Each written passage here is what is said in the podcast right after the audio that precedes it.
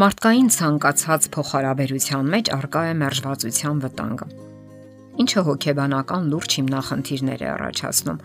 Այն առավել հաճախ դրսևորվում է ծնող զավակ փոխհարաբերության մեջ։ Երբեմն պատճառը անցանկալի հղիությունն է, երբ ծնողներն այնքան էլ ուրախությամբ չեն սպասում երեխայի աշխարհ գալուն, կամ էլ ծնվելուց հետո երեխան չի ստանում սիրո այն չափը, որն անհրաժեշտ է։ Հնարավոր է մերժվածությունը դրսևորվի աղքատության ֆիզիկական արատի դեպքում, դպրոցում ուսուցիչների կամ դասընկերների կողմից ծաղրի ենթարկվելու դեպքում։ Եվ սակայն ամենախոր մերժվածությունը երեխան զգում է ծնողի կողմից։ Դա տեղի է ունենում 3 դեպքում։ Օրինակ, ինչպես նշեցինք, անցանկալի հղիություն։ Մայրն իր որովայնում կրում է մի երեխայի, որին չի ցանկանում ունենալ Մայրը կարող է նույնիսկ բարձրաձայն չարտահայտվել այդ մասին։ Բավական է համապատասխան վերաբերմունքն ու մտքերը։ Երեխաները հաճախ են բողոքում։ Հայրս սիրում է ինձ, սակայն գոնե մի անգամ չի նստեցրել իր ծնկներին եւ կարքին զրուցել ինձ հետ։ Չի ասել, որ սիրում է ինձ։ Նա պարզապես չգիտեր ինչպես արտահայտել իր սերը։ Նմանատիպ մերժվածություն կարող է դրսևորվել նաև մոր կողմից Երկու դեպքում էլ երեխան կարող է մտածել. Ես իրենց պետք չեմ։ Նման երեխաների գանգատը սովորաբար դրսևորվում է այսպիսի խոսքերով. Մեր ծնողները մեզ տվել են ամեն ինչ՝ հագուստ, ուտելիք, կրթություն, մեքենա, նույնիսկ լողավազան, սակայն նրանք ժամանակ չեն հատկացրել մեզ։ Նրանք հնարավորություն չեն տվել, որ մենք անկեղծանանք իրենց հետ, չեն ապրել մեր կյանքով, մեր ուրախություններով ու տխրություններով, մեր հույզերով։ Նրանք parzapes անհաղորդ են եղել մեր ներքին աշխարհին, նրանք երբեք իրենց չեն տվել մեզ։ Եվ այդպիսի երեխաները կյանք են մտնում ներքին խոր վերքերով։ Նվազագույնը նրանք փոխադարձաբար անտարբեր ու սառն են լինում ծնողների հանդեպ։ Ունենում են հոգեբանական բարդույթներ, լքվածության զգացում, թերարժեքություն, չեն կարողանում լիովին դրսևորել իրենց հոգեբանական եւ մտավոր ընտունակությունները։ Իսկ եթե դրսևորում են, այդպես էլ չեն ազատվում մենակության ու լքվածության զգացումից։ Փաթագույն դեպքում նրանք կարող են վտանգավոր դառնալ հասարակության համար։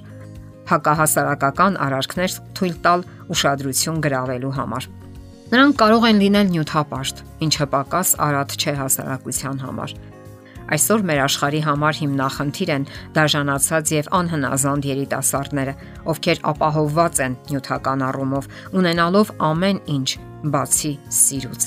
ինչին նրանք այդքան ձգտում են։ Մերժվածությունը կարող է դրսևորվել նաև այն դեպքում, երբ ծնողներն ամուսնալուծվում են։ Երեխաները հակված են մտածելու, որ իրենք են ծնողների բաժանության պատճառը։ Նրանք հակված են այդ ամենում տեսնելու իրենց մեղավորությունը։ Իսկ ամուսնալուծությունից հետո գուցե մայրը սկսի ավելի քիչ հոգ տանել երեխայի համար կամ նորից ամուսնանալով անտեսի նրան Կամ ասենք հայրը հանկարծ անհետանում է երեխայի կյանքից, իսկ երեխան շարունակում է սեր ու ջերմություն զգալ հոր հանդեպ եւ քիչ չեն դեպքերը, երբ բաժանված ամուսիններից մեկը հատուկ դիտավորությամբ երեխային տրամադրում է մյուս ծնողի դեմ, կարծես արդարացնելով իրեն։ Իսկ երեխաները իրենց մանկական տրամաբանությամբ չեն կարողանում տարբերակումներ դնել։ Նրանք պարզապես շարունակում են սիրել իրենց ծնողներին եւ վերջ։ Եվ կյանքի այս փոփոխությունը խոր ու հիվանդագին դատարկություն է թողնում երեխայի սրտում։ Ինչպես վարվել։ Ինչպես արձագանքել երեխայի մանկական հոգուց բխած մեծ հույզերին, որpիսի նա ճանենա լքվածության ու մերժվածության զգացում։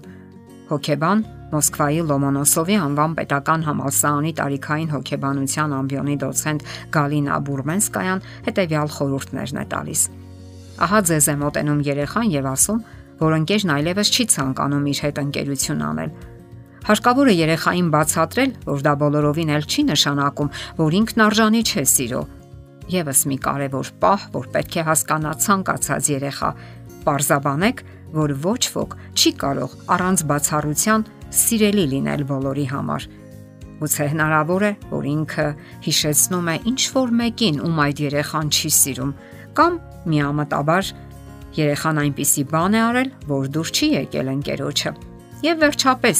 այնքան շատ մարդ կա շրջապատում, չկա իրենց դասարանում մեկը, որի հետ նա կցանկանա ընկերություն անել, չի կարող ուրիշ ընկեր գտնել։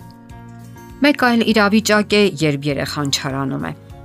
Այստեղ շատ կարևոր է առանձնացնել չարությունը այն առաջացնող պատճառից։ Հույզը միշտ օրինական է։ Մեզանից յուրաքանչյուրը կարող է նյարդայնանալ, եթե նույնիսկ շրջապատը չի քաջալերում դա։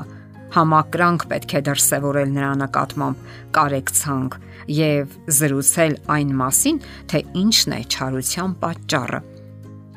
Եթե բարկությունը ծնվել է արգելքի պատճառով, ապա դա չի խանգարում ձեզ սատարել նրան